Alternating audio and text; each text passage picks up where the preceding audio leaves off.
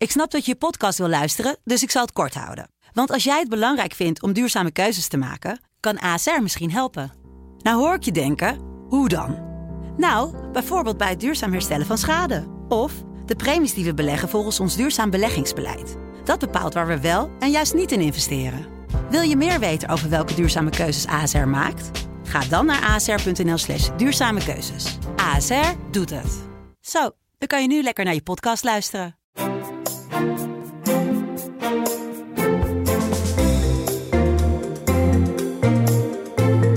De DFT Podcast met Herman Stam en Martin Visser. Ja, mijn naam is uh, Herman Stam, inderdaad, coördinator bij de Financiële Telegraaf. Tegenover me zit weer uh, Martin Visser, onze columnist en uh, verslaggever. Nou, vorige week kondigden we aan in de podcast dat we het over de brexit zouden gaan hebben. Toen dacht ik nog van, dan is die stemming geweest in het Lagerhuis. Nou, die is uitgesteld. Maar inmiddels is de chaos en de verwarring eigenlijk nog alleen maar groter geworden. En toert Theresa May door Europa om daar toch nog ja, een soort akkoord te krijgen. Um, nou ja, ik hoop dat jij meer duidelijkheid daarover kan eh, verschaffen. Want de, de, onduidelijkheid zou groot zijn bij uh, onze luisteraars. Uh, meteen maar eventjes met de deur in huis van denderen die Britten nu meer op het ravijn af nog door al deze chaos? Ja, dat denk ik wel, ja. Ja, die, die kans is wel toegenomen. Want die stemming is niet voor niks uitgesteld natuurlijk door premier May. Omdat ze wist dat ze een zware meerderheid tegen haar Brexit-deal zou krijgen. Um, ja, en de bedoeling was dat er iets aan die Brexit-deal zou veranderen. En dat is dus niet gebeurd. En dus de kans op een meerderheid in het parlement is daarmee niet, niet toegenomen. Met als gevolg automatisch dat de kans op een, uh, op een foute afloop wel is toegenomen. Eind maart uh, volgend jaar is het zover. Ja, we zien beelden nu, ook van gisteren binnenkomen, dat Rutte daar rondloopt. Iedereen een box geeft, omdat hij volgens mij gevallen is op de fiets voordat hij met mee afsprak. Um, uh, je hoort ook geluiden dan uit Brussel dat ze eigenlijk, ze komt daar binnenlopen, maar ze heeft niet echt iets concreets nu hoe ze dat, ja, wat, wat, ze kan veranderen. Ja, nou dat is steeds het probleem. Dat is van meet af aan het probleem geweest. Uh, ik heb het ook wel met het te doen, uh, moet ik eerlijk zeggen. Want zij was natuurlijk zelf eigenlijk helemaal niet voor de brexit. Zij voert nu, bedoel, de uitslag van het referendum uit, omdat alle, alle brexiteers allemaal een stapje naar achter deden, tot ze tot een schrik, toen tot een schrik de uitkomst in hun, hun voordeel uitviel. Maar er is gewoon geen plan. En van begin af aan nog niet. Uh, en nu eigenlijk ook nog steeds niet. Er is nu een Brexit-deal, maar die, die, die bepaalt alleen maar wat er in de, in de, in de tussentijd gebeurt. En een, een finaal model is er nog niet. En wat ze nu precies gedaan moet krijgen van, van de Europese Unie uh, om wel een meerderheid te krijgen in het parlement, was ook niet echt heel erg duidelijk. Dus ja, bij de Europese top, die net achter de rug is, uh, ja, werd ook gezegd: ja, beste mevrouw May, we hadden gewoon een deal en dat is het. En ja, nog een paar sussende woorden. Uh, en, en daar moet ze het allemaal mee doen. En uh, dat is echt wel een probleem. En dat vind ik ook wel echt haar zwakte. Ik bedoel, het is een zeer in haar te prijzen dat zij dit heeft opgepakt. Maar uh, ja, dat, dat ze nu in, in eerste instantie een deal heeft gesloten in Brussel... Waar, waar, waarbij ze niet wist zich niet zelf verzekerd had van een meerderheid in het parlement. Dat is ook echt een enorme inschattingsfout. Ja, en, en nu stapelt ze fout op fout. Dat, uh, ja, hoe dit goed moet komen, ik zou het niet weten. Heeft ze dat proces ook te veel naar zichzelf toegetrokken? Want ze heeft natuurlijk gezegd van ja, ik doe nu echt zelf die onderhandeling. Ja. De, was dat politiek gevaarlijk? Nou ja, misschien is het ook wel logisch dat het echt chefzag is. Dat vind ik op zich wel logisch. Dat is ook wat vreemd toen op een gegeven moment de Brexit-minister opstapte. Dat je denkt van ja, uh, die man gaat toch over die deal. Maar die Brexit-minister was er vooral om, om de Brexit-deal in eigen land ook, uh, ook gladjes te laten verlopen en, en uit te leggen. Ja, ik vind op zichzelf wel logisch. Um, nou, als er ooit iets een chefzag is in een land, is het dit wel. Dus dat vind ik niet zo raar. En zij kan al haar politieke gewicht in de schaal leggen, maar dat blijkt dus gewoon totaal onvoldoende. En ja, het, begint echt een tragische figuur te worden. Um, want de Britten kunnen niet met haar en niet zonder haar. Want ze krijgen er ook niet weg. Dat is weer de andere kant. Maar er is gewoon voor geen enkele optie is er een meerderheid uh, te vinden. En dat is wel echt heel zorgelijk. Ja, na die uh, stemmingen ging ze on tour naar allerlei regeringsleiders. Maar ze koos eigenlijk het eerste voor uh, onze premier Rutte. Wat, wat, zegt dat over hun verhouding? Ja, nou ja, dat is Nederland en, en, en Verenigd Koninkrijk zijn bondgenoten. het is voor Nederland ook echt wel een, een, bittere pil dat we de Britten gaan verliezen in de Europese Unie. Politiek hebben we veel mee te maken. ja, we zijn heel erg gericht op het Europese vasteland. Maar we hangen ook altijd een beetje over richting het Verenigd Koninkrijk en de Verenigde Staten. Uh, daarbij komt dat Rutte natuurlijk echt senioriteit heeft in, in Brussel. Dat is in het Brusselse echt van belang. Dus uh, hoe lang je al regeringsleider bent. En hij is in staat gebleken om, uh, om op een pragmatische manier moeilijke kwesties op te lossen. Nou, denk maar aan ons eigen Oekraïne-referendum en het beroemde inlegvelletje.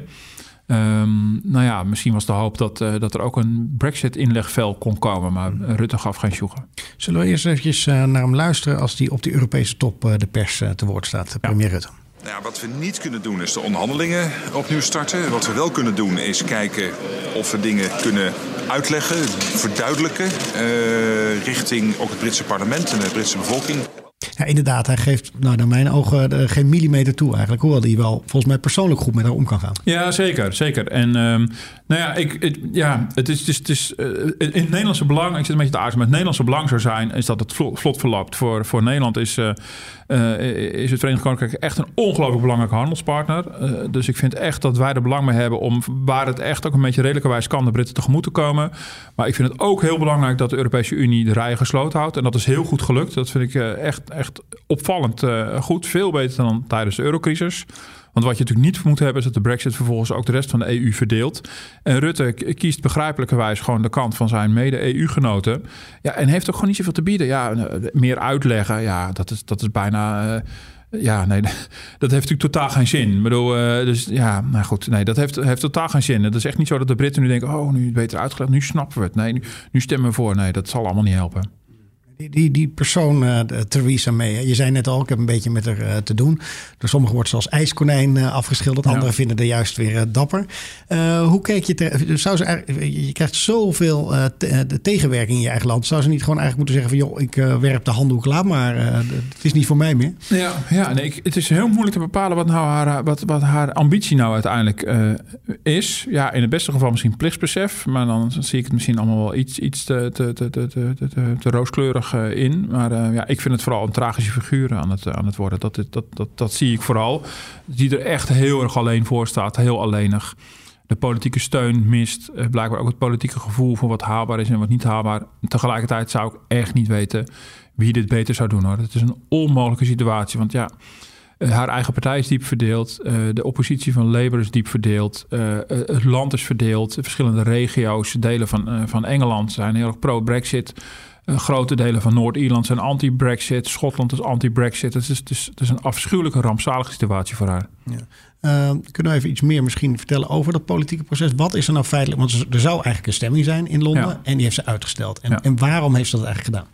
Nou ja, omdat zij aan komen dat de Brexit-deal zou worden verworpen. En dan heb je natuurlijk echt een politiek feit. Mm -hmm. En uh, dan, heb je, dan, ja, dan, dan had ze dus ook met hangende pootjes naar Brussel moeten. Maar dan met echt een verworpen deal. En dan heb je niks. En uh, wat zij natuurlijk nu geprobeerd heeft om, om iets aan die deal nog te veranderen. Uh, we gaan het straks ongetwijfeld uitgebreider over hebben, over, over de inhoud daarvan. Um, uh, in de hoop dat dat dan alsnog het parlement zou kunnen overtuigen. Dan zou je bijvoorbeeld in januari alsnog kunnen stemmen. En als het dan ja, met, met, met alle toezeggingen vanuit de Europese Unie alsnog wel gelukt was, dan was het, was het project gered. Maar was het afgestemd geweest, dan was het ja, een beetje over en uit. Mm -hmm. en, en dat wil ze natuurlijk voorkomen. Want dit, dus, dit proces kan ze rekken eigenlijk tot 29 maart. Nou ja, misschien nog wel langer. Maar dat is natuurlijk ook alweer zo. Hè maar goed om te zeggen. Um, dat hebben we in de eurocrisis natuurlijk ook gezien bij grote politieke onderhandelingen op Europees niveau. Dat de tijd die er is altijd wordt benut. Het was ook, was ook, uh, was ook geen, logische, geen logische optie geweest dat ze al maanden voor 29 maart echt al helemaal klaar waren. En dat dan ze vervolgens een paar maanden op hun handen gaan zitten. Ja. Wachten naar Pompidou tot 29 maart de officiële Brexit daar is. Dat is zo werkt dat niet. Mm -hmm. Dus in die zin zal alle tijd worden benut om het onderzoek uit de kant te halen. Alleen wat je ziet is dat mee gewoon keer op keer gewoon echt niks krijgt. En dat er dus ook geen beweging is. Er gebeurt dus eigenlijk... Er is heel veel tumult. We kunnen heel veel zien. Heel veel politiek schouwspel. Maar er gebeurt inhoudelijk gewoon helemaal niks. En dat is wel echt wel heel anders dan, dan uh, eurocrisisonderhandelingen. Maar dat die tijd volop wordt benut, is logisch. Maar denk je dan niet, hè? we hebben het wel eens eerder over gehad. We hebben samen ook in Brussel gezeten. Dan zag je zo'n opbouw. En dan, ja. dan misschien zelfs op 28 maart... Ja onder druk wordt alles vloeibaar ja. en dan nog een akkoord. Of... Nee, zeker. Dus daar moet je ook absoluut rekening mee houden. Uh, ik spreek ook allerlei mensen die dit ook volgen. En er zitten er ook bij die zeggen van ja, weet je, dit komt hoe dan ook goed. Ik bedoel, uh, het is niet zo, we worden hier niet opgehuurd door financiële markten. Al bewegen de beurzen de afgelopen tijd alweer vrij heftig. Um, het is vooral een, in eerste instantie een politiek proces. Uh, waarom zou je een deal sluiten op, op 27 maart als het ook op 28 maart kan? Dat, zo werkt het ook alweer. Um, en je kan er ook rekening mee houden dat ja, als het 28 28 maart geen deal is, dan eigenlijk is het dan in ieders belang om het weer door te schuiven. Om te kijken of er verlenging kan komen of uitstel. Maar zeker weten doe je natuurlijk niet. En wat, wat nu echt wel anders is dan in de eurocrisis, dan was het meestal een blok eurozone tegen een hulpbehoevend land. Uh, en waar het, was het vrij duidelijk. Maar hier, hier onderhandel je met een land wat diep verdeeld is. Dus het maakt het heel onvoorspelbaar. En het is ook niet gezegd dat als je mevrouw May wat meer tijd geeft, dat je er dan wel uitkomt. Want eigenlijk, de, eigenlijk ehm, is er geen oplossing. Wat zij willen, kan eigenlijk niet. Ze willen een grens, maar ook geen grens. Dus ik zou ook niet weten, uh, ook al komt deze Brexit-deal voor de tussenfase eruit, hoe dat in de toekomst dan moet. Dus ik zie überhaupt geen, geen oplossing, hoeveel tijd je ook neemt. Ja. Uh, grens of geen grens, dan hebben we het ook over uh, Noord-Ierland natuurlijk. En je zei net al, we gaan wat uh, dieper in op hoe dat akkoord dan in elkaar zit. hier horen we eerst even Theresa May in het lagerhuis en de deal eigenlijk verdedigen en ook zeggen dat de stemming wordt uitgesteld. Ja. I've listened very carefully to what has been said in this chamber and out of it.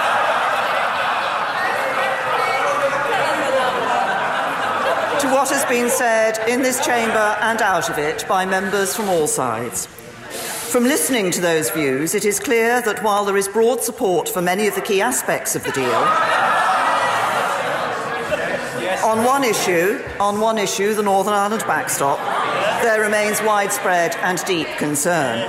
Nou, het bandje bleef niet hangen. Ze moesten twee keer herhalen. En er was gelach en gehoon in de zaal. Niet alleen van, de van haar politieke tegenstanders, ook uit de eigen partij. Ja. Het is bijna gênant om zoiets te horen, toch? Ja, nou is het natuurlijk wel de Britse cultuur, uh, politiek gezien, ook wel iets anders. Ik bedoel, er wordt een hoop geroepen en boer geroepen. En, maar dit is, ja, je wordt gewoon vier, vierkant uitgelachen.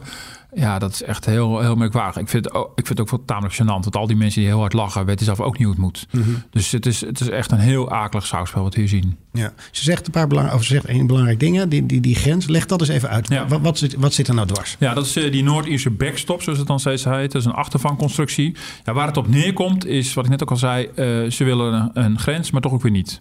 Kijk, want als je uit de Europese Unie stapt, dat betekent dus dat je graag wil dat je grens optrekt tussen jouw land en de rest van de Europese Unie. Daar was het om te doen. Want je wil niet meer dat al die Polen zomaar binnenkomen lopen en jouw banen inpikken. Dat, is, dat was de gedachte.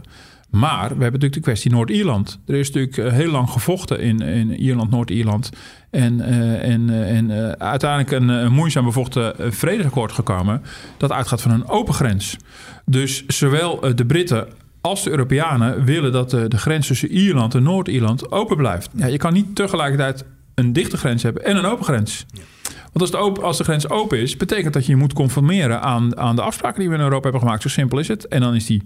Eh, wat, wat, wat nu de, de, de, stappen zijn, is dat per 29 maart stapt uh, het Verenigd Koninkrijk uit de Europese Unie. Dan heb je de formele Brexit. Dan hebben ze geen stemrecht meer. Dan hoeven ze niet meer op te komen dagen bij al die toppen. Um, uh, maar dan verandert er verder nog even niks. En dan is er uh, tot eind 2020 de tijd om te onderhandelen over een toekomstige relatie. En als dat niet op bij af is, dan treedt die achtervang uh, in werking. En dat betekent dat uh, het Verenigd Koninkrijk, inclusief Noord-Ierland, in een douane-unie zitten met de Europese Unie. Dat we een vorm van vrijhandel hebben, waardoor de grens open blijft. Maar dat is tijdelijk. En waar heel veel kritische Britten bang voor zijn, en ik denk terecht, dat de Europese Unie ze permanent in die twilight zone laat zitten. Mm. Ja. Want dat is een soort fase waarin ze niet willen. Want dan hebben ze ook niet het recht om handelsakkoorden te sluiten met andere landen, met Trump bijvoorbeeld. Mm. Um, dus dan kom je in een soort tussenfase terecht waar je nooit meer uitkomt. En de EU heeft een veto over het wel of niet daaruit te stappen. Maar ook daarna, uh, de, de, de, de, de, de, toekomstige echte handelsrelatie, waar, waar dus nog geen begin van een idee over is, heb je een, precies diezelfde grensproblematiek. Want Ierland en Noord-Ierland liggen niet straks plotseling op een andere plek. Mm -hmm. Die liggen er gewoon nog steeds. En dus die grenskwestie is hoe dan ook, als je die in de tussentijd niet kan oplossen, kan je die finaal ook niet oplossen. En waarom zou de Europese Unie dat doen, ze zo in de greep houden? Nou ja, omdat uh, die doen het uit bescherming voor Ierland. Ze staan pal achter lidstaat Ierland en dat is heel begrijpelijk. En uh, ik denk dat het in het gezamenlijk belang van EU en Verenigd Koninkrijk is om te voorkomen, hoe dan ook, dat dat conflict weer oplaait. Ja, je weet natuurlijk niet zeker uh, of het conflict gegarandeerd weer oplaait als je de grensposten weer optrekt tussen Ierland en Noord-Ierland. Maar uh, die kans bestaat ook wel degelijk, want dat was wel een van de springende punten. En nu is er gewoon vrij verkeer tussen, tussen die twee delen. Mm -hmm. En daarmee hou je dus uh, iedereen te vriend. Zowel de Noord-Ieren die eigenlijk bij Ierland zouden willen horen, als de Noord-Ieren die, die bij het Verenigd Koninkrijk horen. willen, willen horen, dus de, de coalitiepartij van, van, van May.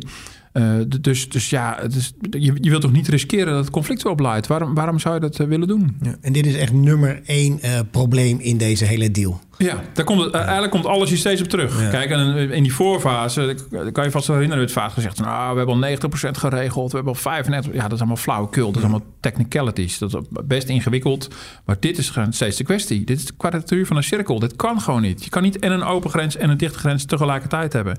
Ik zou niet weten hoe je dat oplost. De gedachte gedachten zijn om, ja, als de automatisering verder voortschrijdt, dat je bij, bij bedrijven op een manier al dat inklaren van goederen al kan doen. Waardoor je dus wel uh, als het ware gewoon uh, verschillende voorwaarden hebt rondom die grens, maar de grens de facto open is.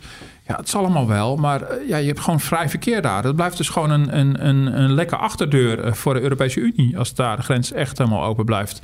En, en de Britten hoeven zich niet meer aan alle regels te houden van Europa. Ja, nou, nou zijn er nog wel wat andere issues, ook uh, namens Nederland. Over de visserij spreek je dan, en ja. inreizen of niet. Ik wilde eerst even met je luisteren naar uh, de, de, onze politicus uh, de Mona Keizer, die daar iets over zegt. Ja. Nou, hier geldt om het in het Engels te zeggen: hope for the best, prepare for the worst. Er zijn 35.000 bedrijven die handel drijven met het Verenigd Koninkrijk, maar nog nooit een relatie gehad hebben met een land buiten de Europese Unie. Denk niet dat dit voorbij gaat. Verdiep je in je eigen handelstromen, in je eigen productieprocessen. Kijk waar je daar te maken heeft met het Verenigd Koninkrijk en neem je maatregelen. Ja, Mona Keizer, staatssecretaris van Economische Zaken, die waarschuwt. Ik hoor al heel lang dit, verhaal, dit soort verhalen, maar dat komt misschien ook omdat ik op de financiële redactie werk. Maar het kan toch bijna niet meer dat Nederlandse ondernemers hier niet op voorbereid zijn? Nou ja, toch is dat wel het geval. Je ziet dat uh, Economische Zaken en, uh, en, en de werkgeversclub VNO en, en MKB hier samen optrekken, omdat zij uh, zagen dat dat heel langzaam op gang kwam. Bij VNO klaagden ze zelfs dat zij vonden dat zelfs uh, het ministerie te langzaam op gang kwam. Ja, heel lang denk je dan van, oh, dat duurt nog zo'n tijd. Of het, het, komt allemaal wel goed. En ja, en het lastige voor de ondernemers is natuurlijk ook dat ze zich moeten voorbereiden op verschillende scenario's en op verschillende stadia. Um, dus wat ik net schetste van uh, dat je op een gegeven moment hebt, dan de Britten stappen dan uit en dan verandert er zogezegd nog helemaal niks. En dan krijg je die terugvaloptie met een douane-unie. En dan een op een onbekend moment een onbekende toekomstige handelsrelatie. Hoe bereid je in vredesnaam daarop voor? En dan moet je ook nog voorbereiden op een no-deal Brexit, dat op dat 29 maart dat gewoon, het gewoon ophoudt. Dat er gewoon de, onze regels niet meer daar gelden en hun regels niet meer hier. Ja, dus dat is wel uh, heel ingewikkeld. En ja, en, en ja, Mona Keizer wijst nu heel specifiek op, op een categorie ondernemers die alleen maar binnen Europa handelen. Die dus altijd gewend waren binnen de interne markt. En nu voor het eerst een derde land als, als partner hebben. Ja, dan moet je zorgen dat je de boel wel op orde hebt. En dat is wel heel lastig voorbereiden op iets onbekends. Nou, hoe helpt de Nederlandse overheid daarbij? Nou, er zijn heel veel sessies in het land. Er is een, er is een Brexit-scan. Nou, daar kan je zo ook googlen. Op, uh, ik denk dat je op de site van of van VNO of van, of van van het ministerie van EZK dat zo kan vinden. Een Brexit-scan, dan je, ik heb het al eens een keer voor de grap even gedaan. Uh, fictief uh, speelde ik als ik een ondernemer was. Uh, en dan krijg je allemaal vragen over met welke landen je handelt, in welke sector je zit. en dan kan je, kan je dat allemaal afvinken en dan kan je zien of je wel of niet hier, uh, hier iets mee moet. En het kan ook bijvoorbeeld zijn dat je, dat je helemaal niet exporteert, maar misschien één van je, van je grondstoffen uit, uh, uit het Verenigd Koninkrijk haalt. Dat kan ook al, hè? dat je mm -hmm. inkoopt van het Verenigd Koninkrijk. En je moet het toch weten, want alle, alle dingen die je koopt, alle spullen, alle goederen die je koopt en verkoopt, die moeten voldoen aan allerlei veiligheidseisen. Die vallen onder bepaalde, uh, straks onder bepaalde handelstarieven. je, hebt, je hebt de BTW-aspecten, dus je moet je ook je financiële systemen erop voorbereiden. Ja, je moet wel weten hoe het zit. En -hmm. het is niet gezegd dat het voor elke ondernemer dan dus ook heel veel werk is. Dat zal echt van verschillen. Maar je moet wel weten hoe het zit, dat je niet voor verrassingen komt te staan. Ja, en uh, die spookverhalen van enorm lange de rijen weer uh, bij het, bij, voor de oversteek ja. van vet vrachtwagens. Nou ja, dat vind, ik dus, dat vind ik oprecht heel ingewikkeld. Want dat zie je natuurlijk steeds bij zulke scenario's dat er, dat er enorme doemverhalen opduiken. Um, uh, en dat weet je gewoon domweg niet. En soms denk je wel eens, ja, is het niet een soort millennium bug? Mm. Um, waarvan we ook niet weten, waren we nou goed voorbereid? Of was het eigenlijk gewoon achteraf flauwekul? Um, maar feit is natuurlijk wel dat als op 29 maart er niks geregeld is... en de politiek niet van plan is om ook maar uitstel te geven...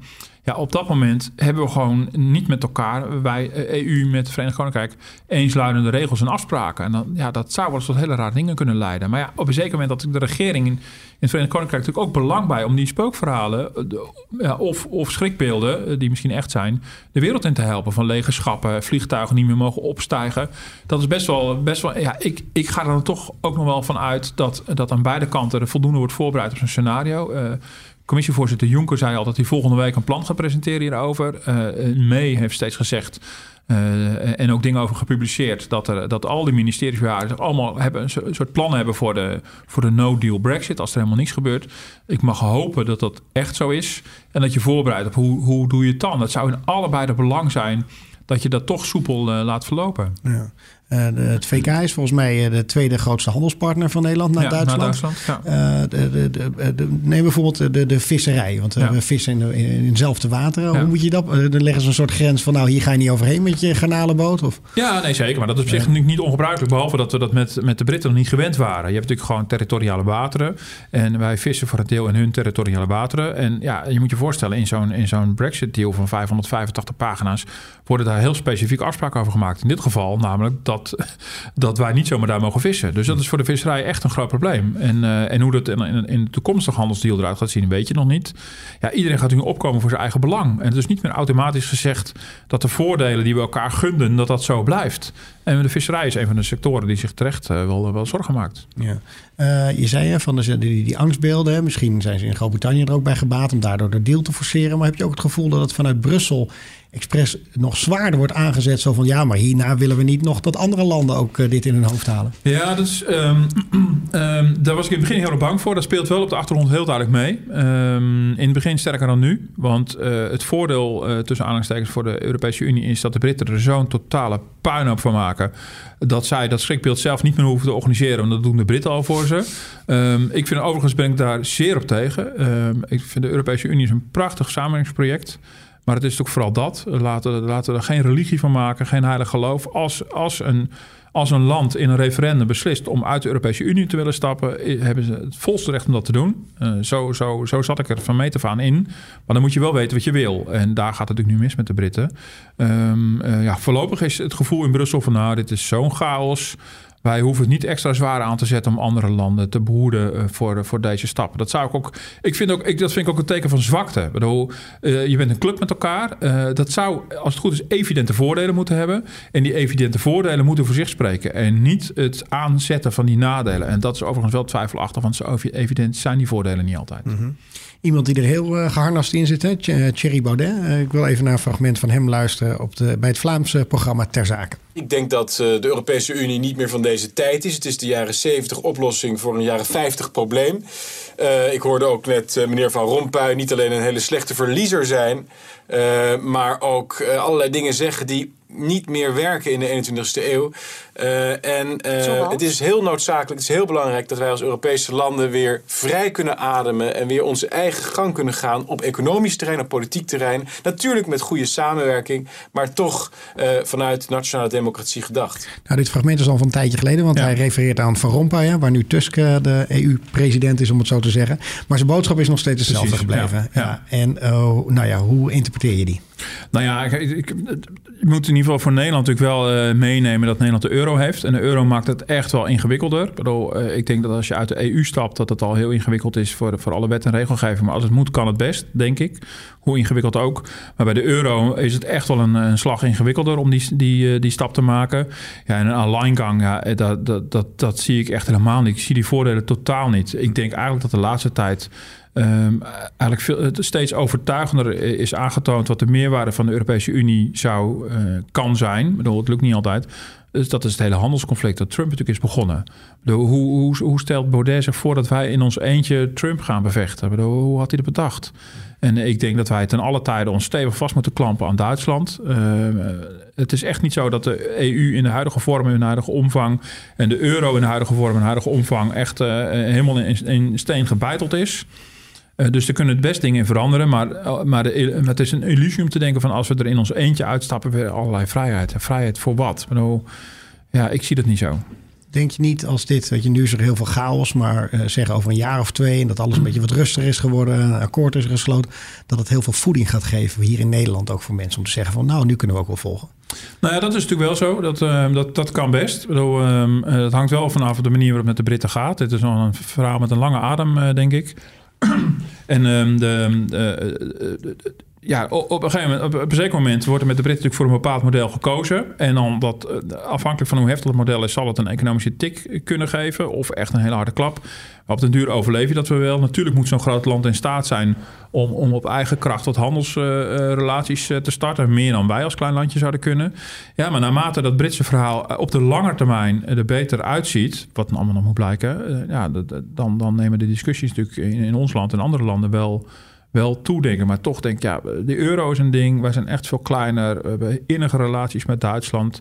Dus ik vind het allemaal net even, net, uh, even te makkelijk. Maar blijf staan dat als de EU niet, niet uit zichzelf overtuigend kan laten zien wat die evidente voordelen nou zijn. Want dat is, dan, uh, dan houdt het op een gegeven moment natuurlijk wel op. En, en je hebt toch wel het idee dat heel veel Europese leiders daar niet zo oog voor hebben. Mm -hmm. Die staan liever te, te juichen en te kraaien als er weer ergens een populist is verslagen. Maar, um, maar, je, maar, dat is allemaal, allemaal heel tijdelijk. Je ziet hoe snel het kan gaan. Die brexit, de opkomst in Italië van een heel andere regering. Um, ja, die, die zelfingenomenheid die je natuurlijk wel ziet in Europa... is totaal onterecht. is totaal onterecht. Dus probeer vanuit eigen kracht te laten zien... dat, dat de huidige samenwerking uh, het beste is. En zoek draagvlak onder de bevolking... voor hoe ver je daarin wil gaan. En doe dat niet over de hoofden van mensen heen... want dan krijg je altijd die klap terug. Die Britten zijn altijd een beetje een buitenbeentje geweest hè? Ja. in, in Brussel. Margaret Thatcher die met de tasje liep, liep, te slaan. Denk je niet dat ze soms ook in Brussel denken... nou, blij dat we eindelijk van die Britten Opgelucht af zijn? ademhalen. Ja. Opgelucht, dat zijn ze blij zeg. Vooral de Fransen. Wat zijn ze blij dat ze eindelijk van die vermalendijde Britten af zijn. Mhm. Want dat waren een lastpakker, zeg. Al dat weer zeuren en zanen. Er kwamen uitzonderingen. En dan kwamen er weer nieuwe regels aan. Nee, maar die gelden niet voor ons. En uh, kan, het, kan het een beetje minder? En dan, ik weet ook, in, in, en toen net de kredietcrisis was uitgebroken... toen probeerden ze in EU-verband tot nieuwe financiële regelgeving te komen. Die Britten deden voortdurend moeilijk. Ze beschermen de eigen city. En op zich begrijpelijk. Je mag je eigen belangen wets verdedigen. Dat is, zo gaat het nu helemaal. En toen verlieven leven ze maar vooral afspraken gemaakt op euro, uh, eurozone niveau, dus zonder de Britten. Nee, daar zullen ze ontzettend blij mee zijn. Maar vanuit Nederlands perspectief is het ongelooflijk treurig. Uh, want het was wel onze mogelijkheid om, om een soort, soort uh, tegen, tegenmacht tegen de sterke Frans-Duitse as te organiseren. Nou, je ziet dus nu dat uh, Nederland onder leiding van Wopke Hoekstra dat probeert met andere landen. Hanse Liga. Uh, uh, goed, dat zijn dan toch een beetje de dwergjes. met Engeland hadden we echt een heel grote partij die ook af en toe ging tegenhangen. Dus voor de krachtsverdeling in de Europese Unie is het niet goed. Maar er zullen landen zijn, à la Frankrijk, die heel blij zijn om van deze lastpakken af te zijn. En die nemen al die of eventuele economische malaise maar voor lief. Ja, maar die is natuurlijk die is per definitie voor de Britten groter dan voor ons. Ik bedoel, de, uh, onze handel met, met de Britten uh, per land is natuurlijk kleiner dan die van Britten met heel, heel de hmm. EU. Dus het is, ook al, is natuurlijk ongelijk. En voor Frankrijk ligt het alweer anders dan voor Nederland. Voor Nederland is de impact echt veel groter. Dat nemen ze dan, uh, nemen ze dan voor lief. En ze denken ook van, nou ja, als wij vooruit willen, vooral de Fransen, met verder integreren in Europa. Is het handig als we af zijn van een land dat altijd op de rem trapt. Ik denk dat het heel. Uh, dat het, hoe lastig ze soms ook waren, en misschien onredelijk, dat het ook wel goed was dat er gewoon een land niet overal maar ja en amen tegen zei. Dat is mm. ook gewoon goed. Ik bedoel, uh, zo, zo iemand moet je ook in de club hebben. Niet, niet meteen met een kruisje tekent. En die raken we nu kwijt. Dus dat is wel echt wel zonde. En is het niet uh, voor Nederland ook heel voordelig? Je ziet nu met de EMA die deze kant op komt. En misschien nog wel meer uh, de financiële handel in, in Amsterdam dat ze ja. gaat vestigen. Moeten ja. we daar niet eigenlijk juist blij om zijn? Ja, jawel, zeker. Ik bedoel, ja, nu, nu, nu het toch gaat gebeuren, probeer je zoveel mogelijk winst uit te behalen. Maar ik denk dat, ja, dat als je zou moeten kiezen tussen het hier naartoe halen van Britse instituten of, of de Britten erin houden in de Europese Unie, dat je voor het laatste zou moeten kiezen. Maar goed, dat is niet aan onze Britse volk beslist zelf. Uh, hun goed recht. Um, um, dus nee, zeker. Al valt het met het, de komst van, van financiële instellingen naar Nederland allemaal nog bitter tegen. Uh, in bepaalde deelsectoren lukt dat redelijk, maar de, de grote de grote massa uh, gaat, naar, gaat naar andere landen. Dus, dus, uh, dus dat is Nederland niet gelukt. Maar inderdaad, dat, uh, dat EMA, dat, dat, in die Europese instantie, die komt onze kant op. Nou, dat is mooi. Ja. zoals je weet, in, de, in Groot-Brittannië zijn ze altijd dol op een gokje wagen. Ik zag even de site van Ladbrokes. Je kan volgens mij er ook op gokken wanneer zelfs het Verenigd Koninkrijk weer terugkomt in de EU.